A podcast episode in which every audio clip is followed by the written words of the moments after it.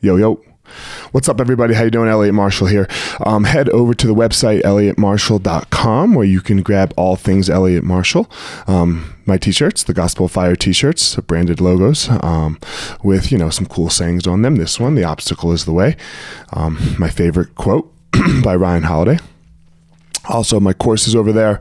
Um, this podcast is there. So everything Eliot Marshall related is there. Um, my Maui trip, my BJJ and mindset trip, uh, mastermind in Maui is up and live. You can sign up now. I will link that website um, for you all in the show notes. So wherever you're listening to this, you can grab that website. And if you are interested, a weekend mastermind in Maui, we're going to do a bunch of BJJ. We're going to do some mindset and mindfulness work and then we are also going to, you know, maybe catch maybe catch some waves. My ninjas, how are you today? Uh, man, this this idea of the cage. Uh, more than the idea of the cage, I want to talk about the cage. What the cage represented for me, not as a as a UFC champion or or anything like that. Um, but the cage was such an important player in my life. The cage showed me how to fight. Yes, I had to learn all of the skills, um, but the cage is, is where Eliot uh, really learned how to fight because you have to. You have to. I had to fight. I, I had to stand up and fight. Find a cage.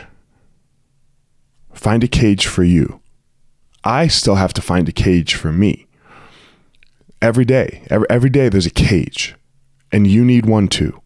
Now you're you're uh, you're not going to get punched in the face. I'm not asking you to get hit here. I'm not asking you to go in there and take punches or any of thing anything like that.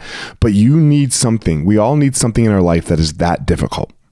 Find something in your life that is severely difficult and go do it. Something that puts such an immense amount of pressure on you that you have no choice but to stand up and fight. What it will do for the rest of your life is I don't even know how to explain it. You you see it. You can see the people that are entering into their cages every day and what they're able to accomplish. The defeat just doesn't bother them.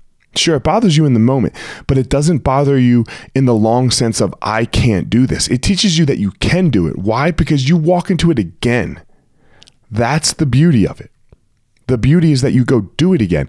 It's not the result of each individual time that you step into this cage of your life, right? Or even even for me as the fighter, it wasn't that each time that I stepped into the cage, I had a, I had a friend that used to say you're not a real fighter until you get beat up and you know you get beat up really bad and then go choose to fight again.